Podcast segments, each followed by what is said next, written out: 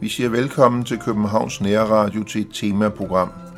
Og emnet, vi skal være sammen om, det er C.S. Lewis. Og som gæst har jeg inviteret Jakob Valdemar Olsen, sovnepræst og lektor på Dansk Bibelinstitut. Og sovnepræst, det foregår i Emdrup. Ja, det gør det. Velkommen skal du være. Tak. Hvorfor beskæftiger du dig med C.S. Lewis? At det der er flere grunde til. Han er en, øh, en spændende person, og øh, han er en person, der har, har skrevet meget øh, inden for mange forskellige genrer. Og øh, der er endda nogen, der siger, at han er den, der har skrevet de teologiske bøger i det 20. århundrede, som har haft størst indflydelse på mennesker. Øh, selvom øh, der er mange, der øh, i teologiske kredse, akademiske teologiske kredse, der ser skævt til Louis som teolog, så har hans indflydelse været stor, og den ser ud til at være stigende. Var der ikke noget med, at han øh, holdt nogle radioforedrag under 2. verdenskrig, som virkelig betød noget? Det gjorde han, det gjorde han, og de blev senere udgivet som bog, som hed Mere Christianity. Ja. Øh, det er kristendom, hedder den på dansk. Øh, den er også kommet på dansk. Det gjorde han. Øh, han holdt flere radioforedrag, som øh, blev meget populære.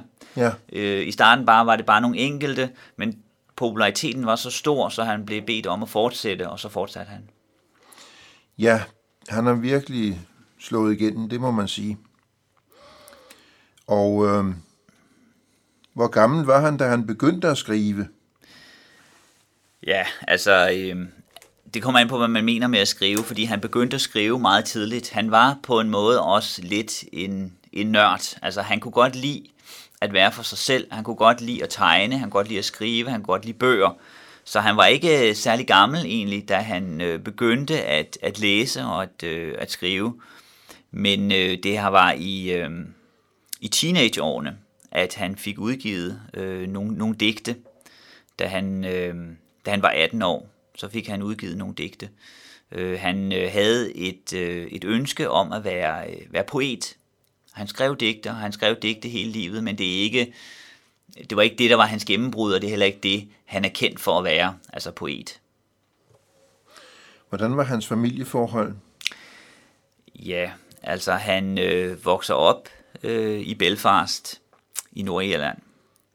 Og øh, han, øh, han har en bror, der er tre år ældre end ham. Han beskriver øh, ham og hans bror som på mange måder ligesindede, altså jævnbyrdige. Og de, øh, de påvirker hinanden hele livet og har et tæt kontakt hele livet. Så har han to forældre. Øh, hans, forældre, hans far er, øh, er jurist. Hans forhold til hans far er kompliceret. Så, øh, så er der hans, øh, hans mor, og øh, hans mor dør, da Louis er ni år. Og han beskriver det selv sådan, at det var en stor krise, der indtraf mm. i hans mhm. liv. Uh, han skriver i uh, senere i livet uh, en, en form for selvbiografi, der hedder Surprised by Joy, overrasket af glæde. Og der uh, beskriver han, hvordan han har minder om sin mor. Og øh, han husker sin mor så meget kærlig, men han kan så også huske, at hans mor er syg. Hun dør af kræft. Og han, øh, der er en aften, han har tandpine og hovedpine og græder og kalder på sin mor, øh, men hun kommer ikke, han kan ikke forstå, hvorfor hun ikke kommer. Og han ser mænd, der kommer og går, og døre, der åbnes og lukkes. Øh, og hans mor dør så. Øh, og han beskriver det sådan, at øh, det var som et kontinent, der sank, dengang hans mor døde. Øh, det, der var tilbage, siger han, var bare øh, øer. Kontinentet var sunket. Hmm. Og øh, det var et, et, et, et, et sorg og en tab i hans liv. Og på en, han mistede sin mor der. Og, øh, men det tab af moren var også med til at problematisere forholdet til faren. For han beskriver det selv sådan, Louis, at faren blev ramt af dyb sorg. Og øh, han havde svært ved at rumme sine to sønner i den sorg, som faren selv var ramt af. Og de søgte så hinandens selskab, de to sønner. fordi faren øh, havde åbenbart svært ved at øh, rumme dem, sådan som, som Louis husker det og ser det. Øh, men han har et øh, han har et forhold til sin far i den forstand, at, at øh, hans far støtter ham hele livet, altså indtil han dør, øh, og de skriver mange breve sammen. Men øh, der opstår også nogle problemer imellem dem i den forstand, at øh, de nyder ikke altid hinandens selskab. Louis holder ting skjult for sin far, selvom hans far støtter ham økonomisk, da han prøver at, at læse videre. Og senere i livet, så giver, skriver Louis, at den måde, han har behandlet hans far på, øh, giver en oplevelse hos ham af skyld og svigt i forhold til sin far. Så hans forhold til hans far er tæt og problematisk. Og også i en forstand tæt, men samtidig er der også en afstand, fordi der er ting, han, han skjuler for ham. Skal vi lige slå fast, hvilket år han blev født, C.S. Lewis? Ja, han blev født i 1898, den 29. Og så, november. Og grunden til, at jeg spørger til det, det er jo, at så var C.S. Lewis en ung mand under Første Verdenskrig. Blev han var... indkaldt til Første Verdenskrig? Ja, han, han meldte sig. Han meldte sig. Altså, han kom til, til Oxford. Han var i... Øh, øh, han kommer til Oxford, da Første Verdenskrig er i gang.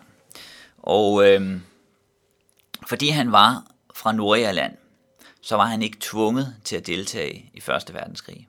Men han øh, melder sig, han følte en forpligtelse til det. Så han melder sig og øh, kommer til Frankrig og deltager i den Første Verdenskrig. Øh, han sidder i, øh, i skyttegravene mm. i Frankrig og har en oplevelse af det, og, og vender også til, nogle gange tilbage til det senere i sit, sit forfatterskab, i nogle af de ting, han siger, og også i noget af den vejledning, han giver til studerende, da han så senere i livet jo så bliver selv bliver underviser i Oxford og er det under 2. verdenskrig, øh, så har han også nogle henvisninger til sine egne oplevelser under 1. verdenskrig over for de studerende. Det var jo frygteligt det der med de der skyttegrave. Ja. Og de, ja. de, de dræbte jo hinanden i 100.000 vis. Ja, det gjorde og, de. Og øh, blev, blev C.S. Lewis såret? Det gjorde han. Han, øh, øh, han, blev, han blev såret, han blev, blev ramt af granatsplinter, fik granatsplinter ind i kroppen og blev sendt tilbage til England og var der. Og nu, nu nævnte jeg tidligere forholdet til øh, hans far, og nogle af de ting, der skete der, var også med til at give en afstand i forhold til hans far. Han skrev breve frem og tilbage til hans far, og hans, hans far støttede ham på afstand så godt han kunne. Men dengang, at han skal afsted til Første Verdenskrig, så skriver han til hans far og beder ham om at komme og møde ham. Og øh, han ville frygtelig gerne møde ham, inden han skulle afsted. Og i betragtning af, at man vidste på det tidspunkt, at mange af dem, som, øh, som tager afsted, det var i øh, 1917, øh, i november 17, han tager afsted, man vidste, at mange af dem, der tog afsted, de døde. De kom ikke tilbage. Det var den erfaring, man havde. Og han skriver til sin far og beder ham om at komme og mødes med ham, inden han tager afsted. Det gør faren så ikke. Øhm, da han så bliver såret og bliver sendt tilbage til England og ligger på hospital, så skriver han til sin far og beder ham om at komme og besøge ham, og han skriver, at han har, øh, han har hjemvej. Men faren kommer ikke og besøger ham. Øh, og det er ikke fordi faren ikke har kærlighed til ham. Hans, hans ældre bror, øh, Warren Lewis, beskriver det på den måde et sted, at hans far øh, var meget pligtopfyldende og han havde nogle pligter, han skulle passe, og han følte, sådan beskriver Louis ældre bror det, at faren følte en angst, hvis han skulle bryde de rutiner, han var vant til, og de pligter, han havde sat sig i hovedet. Og det er muligt, det er forklaringen på det, men det får den betydning, at Louis på det tidspunkt begynder at knytte sig til en, øh, en moden dame, som kunne være hans mor. Øh, Louis, han er, øh, han kommer tilbage fra Frankrig, da han, da han 17 år. Og øh, nej, han er, han er, nej, han er ældre. Han er 20 år, da han kommer tilbage fra Frankrig. Han er 20 år, da han kommer tilbage fra Frankrig. Og øh, så øh, er der en kone, en, en, en, en kvinde, han begynder at knytte sig til, som er 45 på det tidspunkt. Og det hænger sammen med, at han blev sendt til Frankrig sammen med en ven, han havde, der hed Paddy Moore, som også læste i Oxford sammen med Louis. De var jævnaldrende. Øhm, og de havde lovet hinanden, inden de tog afsted, at hvis den ene døde, så ville den anden tage sig af den forældre, som så var tilbage. Hvis Louis døde, så ville Patty Moore tage sig af Louis' far, og hvis Patty Moore døde, så ville Louis tage sig af Patty Moores mor. Og det løfte havde han så givet, og Patty Moores mor begynder så også at tage sig af, af Louis, da han ligger på hospitalet. Øh, og faren, Louis' far besøger ham ikke. Patty Moores mor er, er enlig, hun er fraskilt. Han, eller skilt officielt er det ikke juridisk, men, men øh, han, hun lever adskilt fra sin mand. Øhm, og øh, han begynder så at, at tage sig af hende, men han fortæller ikke sin far om det engagement, han har der. Øh, man kan se i forskellige breve, han også lyver for sin far, når han siger, at han tager på ferie med en mand, og den han tager på ferie med er virkeligheden hende. Mm.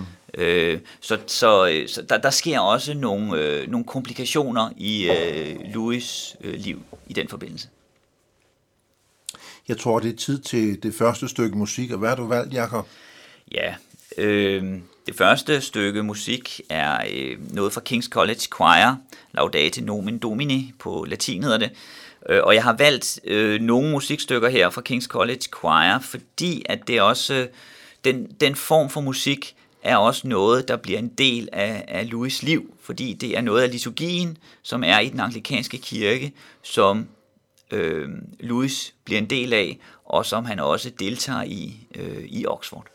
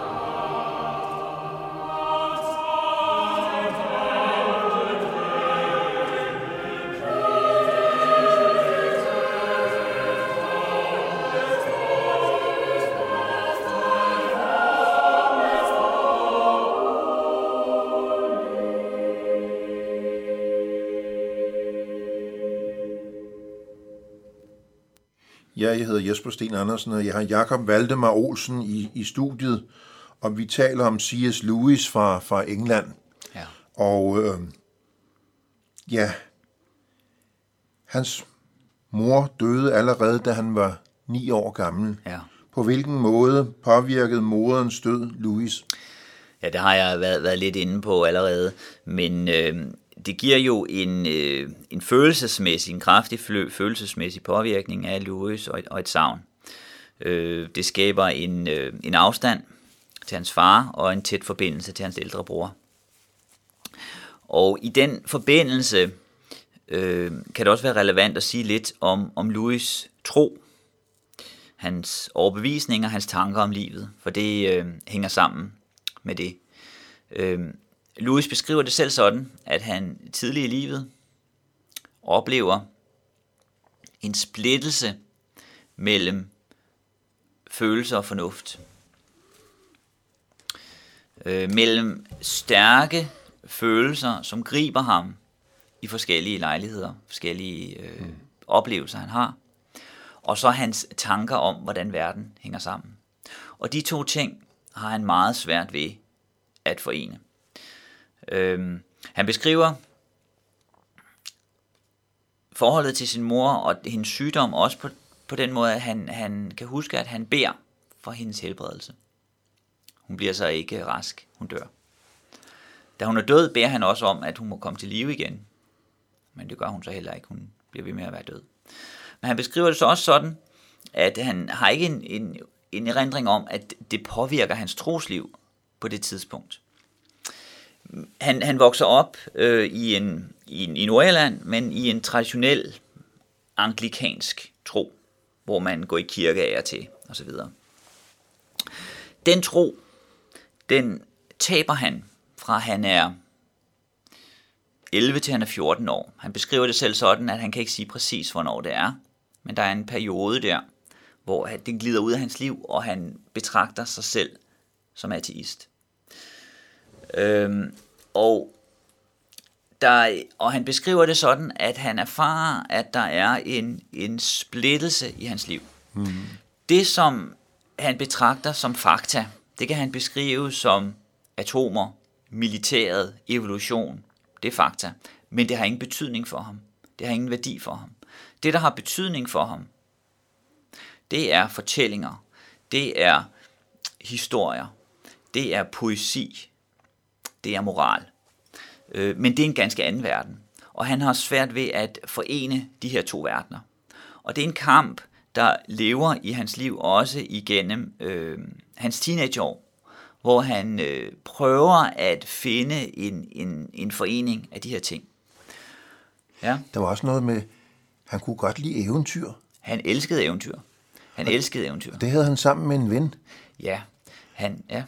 Og øh, det kom jo også til at få betydning senere i hans liv, det der med eventyr. Meget stor betydning. Altså han, øh, han beskriver det sådan, at da han er 6, 7 eller 8 år, det er meget tidligt, at der læser han noget fra den nordiske mytologi. Han vidste ikke, hvad den nordiske mytologi var sådan særlig meget. Han vidste ikke, hvem Balder var, men han læste fra den nordiske mytologi, hvor der stod, øh, Balder er død, er død, er død. Og han siger, at da han læste det, så var det som, han blev henrykket til en anden verden. Han blev fascineret af, af nordisk mytologi. Han blev også fascineret af græsk mytologi, øh, af fortællinger om ridderne om det runde bord og, kong Arthur osv. Og så var der en person på hans alder, der boede over for ham, som havde samme interesse. Og de øh, blev fortrolige om, og mødtes og, og talte om, om de her ting. Jeg tror, det er på tide, vi lytter til endnu et stykke musik. ja, okay. Og, øh, men det er så igen noget fra øh, King's College Choir fra den anglikanske øh, liturgi, der hedder Miseri mei Deus.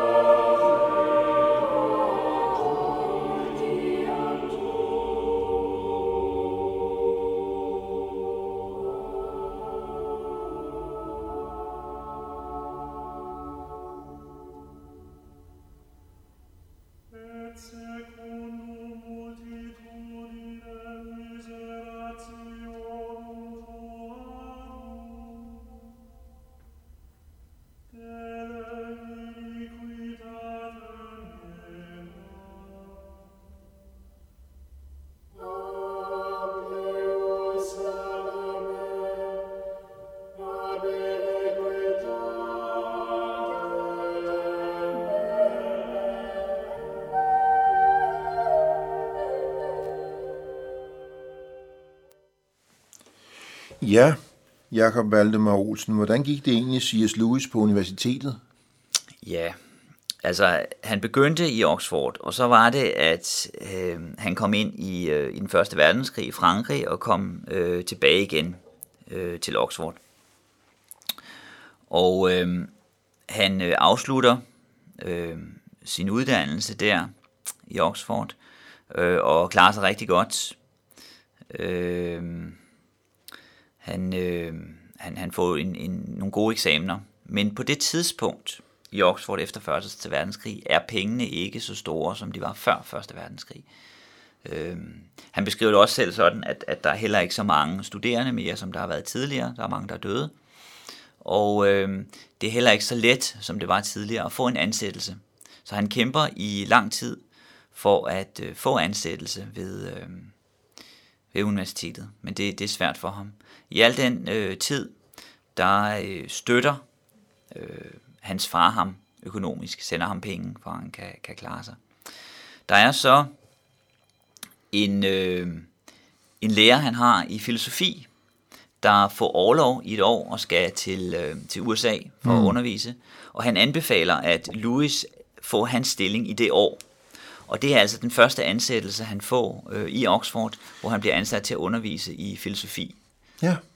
Og det har han så et år, og efter det år, så øh, bliver han så fellow, som det hedder, i, øh, i Oxford ved Magdalen College, det vil sige, at han bliver ansat, og det er så i engelsk litteratur. Filosofi, det kan jo være mange ting. Ja. Hvad var han præget af? Jamen, han beskriver det sådan, at på det tidspunkt er han præget af den tyske filosof Hegel. Og det kan måske, hvis man kender lidt til øh, filosofien i England, så kan det måske lyde lidt specielt, men det var sådan i Oxford øh, i begyndelsen af det 20. århundrede, der var det den tyske filosof Hegel, der øh, satte dagsordenen for mange. De undervisere, Louis selv havde haft i filosofi, de var præget af Hegel. Kort tid derefter sker der så et skift, hvor at Hegel øh, forsvinder ud af horisonten, og det er ganske andre, andre ting, man optager sig af i filosofi i Oxford. Men på det tidspunkt er det sådan. Og han siger også, han skriver, beskriver det også selv sådan senere, at da han bliver ansat i filosofi, så mener han, at han har brug for en overordnet ramme for at forstå filosofien ind i, og der vælger han så helt som den, der skal hjælpe ham med at give den overordnede ramme. Øh, så det, det han præget af ja. på det tidspunkt. Men han blev ikke hængende i filosofien? Nej, det, han skiftede til litteratur, og, og det, det, var, øh, det var for ham et, et, øh, et godt valg. Men det viser, at han havde en filosofisk interesse, og den filosofiske interesse, den bevarer han hele livet. Men det er ikke der, hans hjerte er, så at sige. Hans... Igen må jeg jo spørge til, for ligesom filosofi og mange ting, så er ja. engelsk litteratur, det er jo også, ja, det er, det er også mange ting. Det er hvad, mange hvad interesserede han sig for?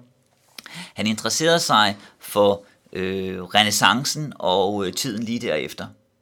Det var i høj grad den del af engelsk litteratur, altså middelalderlitteratur og, øh, og tiden lige efter øh, reformationen.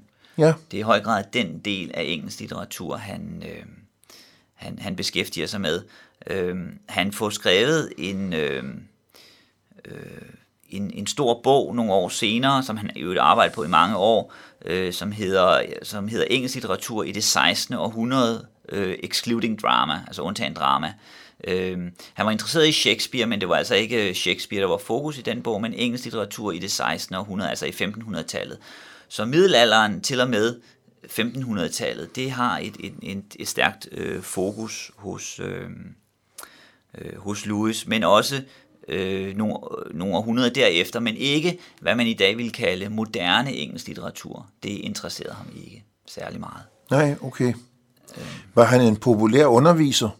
Det var han. Det var han. Øh, han var søgt. Der er flere, øh, som øh, har skrevet om deres møde med Louis senere hen. Han bliver jo en kendt person efterhånden. Og øh, der er nogle af de øh, studerende, han har haft, som beskriver, hvordan han var søgt, hvordan der kom mange til hans øh, forelæsninger. Sådan var det dog ikke i starten, da han underviste i, i filosofi. Det er noget, der kommer efterhånden. I starten er der en beskrivelse af, at første gang han skal have et, øh, et undervisningsforløb i filosofi, der er der fire personer, der møder op. Så der var ikke øh, den store, øh, det store tilløb. Men efterhånden, øh, som han bliver ja. kendt i, inden for, for engelsk litteratur, så er det så han søgt som, øh, som underviser. Ja. Det lyder da godt. Og øh, det blev litteraturen, der blev hans skæbne. Ja, øh, men noget som er specielt ved Louis, det er, at han er en øh, sammensat person. Øh, der er nogen, der har beskrevet det sådan, at der findes øh, tre Louiser. Okay. Der er øh, den faglige Louis, som skriver faglige bøger om, øh, om engelsk litteratur. Så er der øh, forfatteren Louis, fordi der er også en øh, forfatter i ham. Han har selv et ønske om at skrive bøger. Og det begynder han også på. Noget af det, han jo særligt er kendt for at skrive, det er øh, børnelitteratur. Altså Heksen, Løven og Garderobeskabet, Narnia-serierne, Ja. som han, han begynder på at, at skrive. Han, han øh, siger det selv sådan et sted, at, øh, at han havde i mange år haft et billede for sig af en favn, der går med en paraply og en pakke under armen i sneen. Og det billede havde han tænkt på mange gange. Det må virkelig gøres på et tidspunkt. Og så er det så, at han begynder at, at skrive Løven, Heksen og Garderobeskabet. Er det ikke lidt specielt? Jeg mener, han var jo ikke familiefar. Det var han ikke, nej. Nej. Det var han ikke. Øhm, han dedikerede så også til, øh, til en, en datter til en god ven, øh, som han mente havde brug for nogle gode øh, børnebøger. Øh, så øh, han skriver også andre ting. Han skriver også øh, science fiction. Han, øh, og, og, og også andre former. Jeg har noteret noget ned her. The, Ja. The Four Loves. Ja, Det var en bog, han skrev, ikke? det var en bog, han skrev, ja. Og hvad handlede den om? Jamen, den handlede om fire øh, kærligheder, og øh, noget, så, som er et, et, et gammelt tema fra, øh, fra det antikke Grækenland, som han, han griber fat i og beskriver, og den er egentlig også en del præget af Louis, i den forstand, at når man øh, læser den, så får jeg i hvert fald det indtryk, at, øh, at den kærlighed, han har de varmeste følelser for i den bog, det er det, han kalder venskabet. Ja. Og venskabet er noget, der øh, betyder meget for Louis, og også har været, har været med til at præge, hvem han er som person og hans liv. Øhm, en, en af de venner, han har, er jo også øh, efterhånden jo blevet meget kendt, nemlig Tolkien. Og Tolkien og Louis og nogle andre, de mødtes en gang om ugen på en øh, café i Oxford, eller en pop, om man vil, øhm, og drak øl og øh, læste historier for hinanden og støttede hinanden øh, i at øh, skrive og i at udgive. Og det var også øh, øh, Louis, der øh, sørgede for, at øh, Tolkien vågede at udgive Ringenes Herre. Mm. Fordi Tolkien havde ikke rigtig modet og troen på, at den skulle udgives, men Louis øh, pressede ham og støttede ham og opfordrede ham til at få den udgivet. Øhm, han prøvede også, Louis, at, at få øhm, sørge for, at Tolkien fik øh, Nobelprisen i litteratur. Han skrev til komiteen og anbefalede Tolkien. Det lykkedes så ikke, den, den fik han ikke, men, men øh, han havde en, der var en gruppe af personer i Oxford, som mødtes, og på flere måder var øh, Louis øh, den centrale person i den gruppe, hvor de mødtes og havde det her venskab omkring øh, litteraturen. Havde den gruppe et navn? Ja, The Inklings. De Inklings. The Inklings. Ja. Det var egentlig et navn, de havde stjålet fra øh, en studerende. Der var nogle studerende, der havde begyndt en gruppe, der hed The Inklings, som så ikke blev ført videre, og så greb de det navn. Har det, har det en mening, det navn? Ja, altså det kan have forskellige betydninger. Øh, det kan ink, det er det er blæk, og inklings kan være noget, man bare skriver ned på papiret. Det kan også være hentydninger til nogle ting, øh, udkast til noget, man, man laver. Øh, så det var en, en gruppe, der lavede, der mødtes og lavede udkast og skrev ting til hinanden og fremmede hinandens øh, udgivelser. Og øh, det, som også sker med Louis gennem de her møder i, i The Inklings, det er jo, at han vender tilbage til den kristne tro. Det er det helt kapitel for sig. Jeg tror, vi tager et stykke musik, før vi kommer ind på det. Ja. Og det skal være... Det skal være øh, af en, øh, en, øh, en salme eller en sang af en, øh, en engelsk salmedigter, der hedder Charles Wesley, som øh, Louis også kendte. Altså, Han er tidligere end ham. Og hans øh, sang And Can It Be That I Should Gain. Can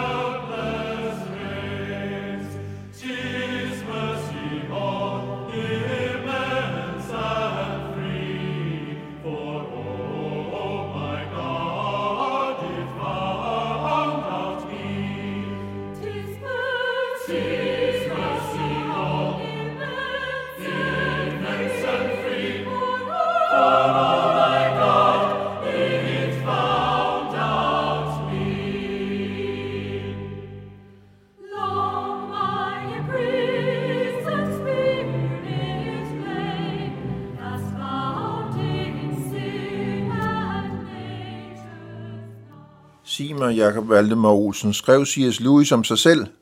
Ja, det, øh, det, det gjorde han. Altså, han, han øh, udgav i, i 55 en bog, der hed Surprised by Joy, Joy, The Shape of My Early Life. Altså øh, overrumplet eller overrasket af glæde. Øhm, og det... Øh, i, øh, I den bog, der er begrebet øh, glæde øh, det, det centrale. Øh, noget, som jo egentlig er lidt, lidt specielt også, det er, at øh, nogle år senere, der bliver han... Øh, der bliver han gift med en kvinde, der hedder Joy. Men øh, det er så ikke hende, han, han skriver om i bogen. Det er øh, en, en oplevelse af glæde, og han skriver i bogen, at, at glæde hos ham i den her bog er en teknisk term. Den betyder en bestemt oplevelse, han har. Og han skriver, at man kan ikke forstå hans liv, uden at forstå den erfaring, han har af glæde. Øh, og han beskriver, hvordan han meget tidligt i livet har den her oplevelse af glæde, og hvordan den driver ham. Han ønsker at få den. Og glæde, siger han, i det, hans forståelse af det, er ikke det samme som opstemthed, men det er også en følelse af et savn og en sorg. Det er et, det er et ønske om, at, at en anden verden, der ligger bag den her verden, som han søger. Og han ser sit liv som øh, et, en søgning efter den glæde, som han har erfaringer af er til, men til stadighed søger den. Han søger den i litteraturen, i musikken, forskellige steder, men litteraturen, musikken, øh, alle de andre skønheden i naturen, som han også holdt meget af, de er i virkeligheden bare et vidnesbyrd om den glæde, der ligger bagved. Og det er så den glæde, han mener at øh, finde øh, i kristendommen. Sig mig, øh, C.S. Lewis, han blev også leder af et selskab. Ja, det gør han. Og det hed? Det sokratiske selskab. The Socratic Club øh, hed det. Den, sokratiske, den sokratiske klub. Det var et, øh, en form for filosofisk diskussionsfællesskab. Øh, men det begynder i, i 1942, og på det tidspunkt, der er øh, Louis blevet kristen. Altså det bliver han i 31. Ja. Øh, I 31, der, øh, der siger han, der overgiver han sig. Han kalder det den måske mest tøvende og langsomme omvendelse i Englands historie. øh, Ja, ja. Øh, han beskriver det også som en oplevelse af nærmest som at øh, vågne øh, af en drøm, vågne om morgenen. Man vågner om morgenen, man kan ikke sige præcis, hvornår man er vågen, men lige pludselig opdager man, at man er vågen. Mm-hmm. Og på samme måde var det også, at lige pludselig opdagede han, at han var kristen. Han vidste ikke præcis øh, sådan alle detaljer i, i den bevægelse, men det opdager han lige pludselig, at det er det, han er. Og øh, er en, som altså hjælper ham ind i det, det er øh, Tolkien. Øhm, er vi så tilbage ved The Inklings igen? Ja, vi er tilbage ved The Inklings, ja.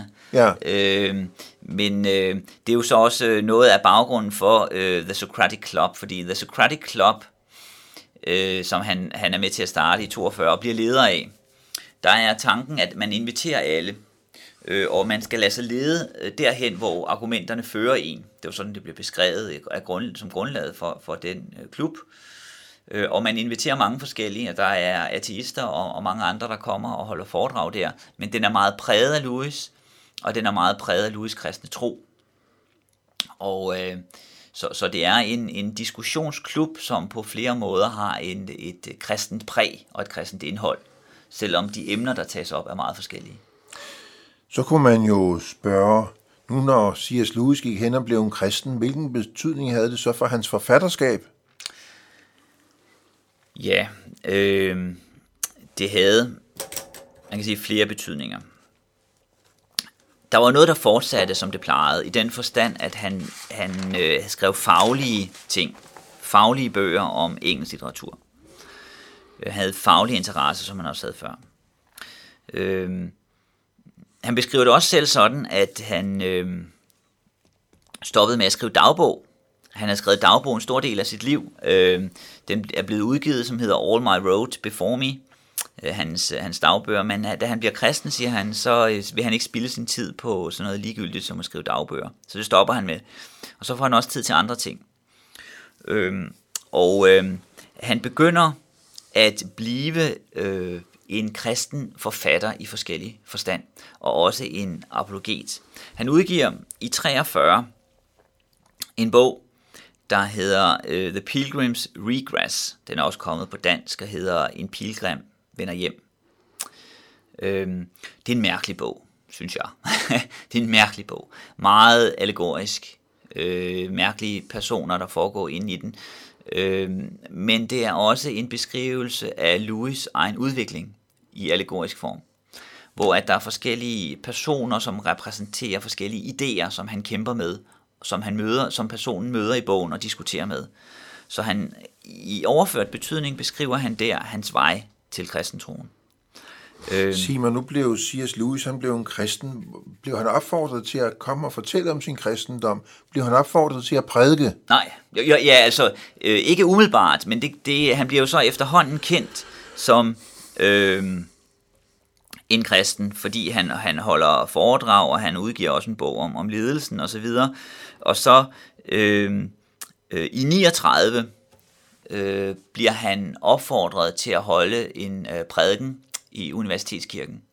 Og i løbet af 1940'erne under krigen og også årene efter, holder han øh, flere øh, prædikner, han bliver opfordret til det. Det var ikke normalt på den tid i den anglikanske kirke, at personer, der ikke var ordineret, at de prædikede i kirken. Han var jo ikke ordineret, han var ikke teolog, han var uddannet litterær, øh, litterat, og det var litteraturen, der var hans fag. Men øh, han blev altså opfordret til det, og han, han prædiker i, i 39. Øh, og hans, øh, flere af hans prædikner er jo så siden øh, blevet udgivet, så man har også eksempler på, på måden, han, han prædiker på. Og øh, i de prædikner, der kan man jo så også se, hvordan han, han bruger sig selv, øh, når han øh, taler til de studerende i Oxford under krigen. De der radioforedrag, der havde så stor betydning, ja. mere Christianity, hvornår kom de i gang? Jamen, de begyndte jo også det var også under krigen, ikke? Ja, det var det. Det var øh, i 41 første ja. gang. I august 41, der øh, er det første gang, at han, han begynder øh, på det. Og tanken var ikke, at det skulle, var noget, der skulle fortsætte i lang tid, men fordi det bliver en sådan stor succes, der er mange, mange, der skriver til BBC og til Lewis på baggrund af de radioforedrag, øh, han holder, øh, så fortsætter det. Så det fortsætter øh, i løbet af krigen flere radioforedrag, han, han holder, og som så øh, nogle år øh, senere bliver udgivet som bog. Altså han blev vældig kendt og populær i offentligheden. Det gjorde han. Var han også populær på universitetet? Det kan man, det kan man ikke sige. Nej, altså øh, der var flere øh, på universitetet, der øh, syntes, at øh, han var for populariserende i sin stil. Øh, Tolkien i øvrigt brød sig heller ikke om Narnia-bøgerne. Han synes også, at de var en, en mærkelig blanding af forskellige stilarter. Øh, og øh, han, øhm, øh, han, han fik ikke et øh, professorat øh, i Oxford. Og der er jo flere, der mener, at det nok skyldes, at, at der blev set skævt til ham på grund af hans meget øh, populære stil i udgivelser af forskellige slags. Det var ikke det eneste, han udgav, men, men det var i høj grad det, han var kendt for. Børnebøger og forskellige andre former for, for udgivelser, og, og, og som kristen apologet. Lad os lige komme lidt ind på de der Narnia-bøger, for ja. de har jo haft enorm stor betydning i offentligheden. Altså. Ja. De blev jo også filmatiseret. De er blevet filmatiseret. Og øh, hvad skal man sige om de der Narnia-bøger? Ja, altså de er jo blevet øh, filmatiseret, og, og øh, det er jo ikke alle sammen, der er kommet endnu, men, men mig bekendt, efter hvad jeg ved af, så er der planer om, at, at flere af dem skal filmatiseres, altså de her syv Narnia-bøger. Øh, og der er jo også, når vi taler om film, for jeg man lige nævne det i en parentes, så er der jo også kommet øh, et teaterstykke og en film om Louis liv, der hedder Shadowlands, Skyggeland. Øh, men Narnia-bøgerne, han øh, har ikke i udgangspunktet en samlet tanke om Narnia-bøgerne, da han begynder dem. Det, øh, det giver han i hvert fald selv udtryk for. Øh, det, der begynder dem, det er et billede, som jeg har nævnt tidligere, et billede af en favn. Løven Aslan, som jo er en vigtig figur i Narnia-bøgerne, som mange kender jo, løven Aslan, som kommer ind, og som jo i virkeligheden repræsenterer Jesus. Øh, han siger, at han var der ikke i begyndelsen, da han begyndte at skrive. Men lige pludselig dukker løven op, og han river alle de andre bøger med sig. Så øh, der er ikke en samlet plan i begyndelsen, men han har en beskrivelse af nogle børn der er på eventyr under krigen, under 2. verdenskrig, og kommer altså ind i en anden verden. Øhm, de her Narnia-bøger er jo ment for Louis som en god fortælling. Det er jo tanken. Det skal være en god fortælling, en god fortælling til børn. Men det skal også være mere end det. Så noget af Louis' tanker kommer jo også til udtryk i bøgerne, blandt andet i nogle af de samtaler, som foregår i bøgerne, og i kampen mellem det gode og det onde. Vi har ikke ret meget tid tilbage, men vi skal Nej. næsten ind på, at han blev gift. Ja, det, det, det gjorde han, ja. Hvad kan vi sige om Joy? Ja, det, nu, nu er tiden knap, øh, men øh, Joy var amerikaner. Øh, hun, havde, øh, hun havde jødisk baggrund, vokset op i en jødisk baggrund, men forlader den. Øh, sammen med sin mand. Hun bliver gift i USA med en mand, som også havde jødisk baggrund, men de forlader det begge to, og de bliver marxister, ateister, marxister, og kæmper for øh, marxismen. Polit, politisk engageret i USA. Men manden, han øh, bliver alkoholiker, han kommer til at drikke for meget, og øh, deres ægteskab går dårligt. Og Joy begynder så i USA at læse forskellige ting, Louis har skrevet, og bliver påvirket af det. Hun får to børn, to drenge. Øh, hun tager så til England for at møde Louis. Øh, og øh, Louis er jo øh, bachelor, altså han er, han er enlig, han er ungkal, han lever ja. i et ungkale miljø mm. øh, i, øh, i Oxford, eller lige uden for Oxford. Og øh, hun møder ham så, og er interesseret i ham, øh, i, i Louis. Og øh, efterhånden så opstår der et, øh, et forhold imellem dem. Og øh, de bliver jo egentlig gift af to omgange. Første gang, de bliver gift, det er i, øh, i 56. Øh, men der bliver de borgerligt hvide. Og der øh, vælger Louis borgerligt, at vi bliver gift med Joy, for at hun ikke skal blive udvist af landet, fordi ellers må hun ikke være i England mere. Hun har ikke opholdstilladelse. Jeg bliver, nødt, jeg bliver simpelthen nødt til at stoppe dig, fordi okay. de 45 minutter, de er bare gået. Okay. Jeg vil gerne sige tak til dig, Jakob Valdemar Olsen, fordi du lagde vejen forbi Københavns Nærradio Studie. Tak til Jan Nørgaard, der sidder i teknikken, og jeg selv hedder Jesper Sten Andersen. Mm. Vi siger tak til lytterne, som er fulgt med indtil nu.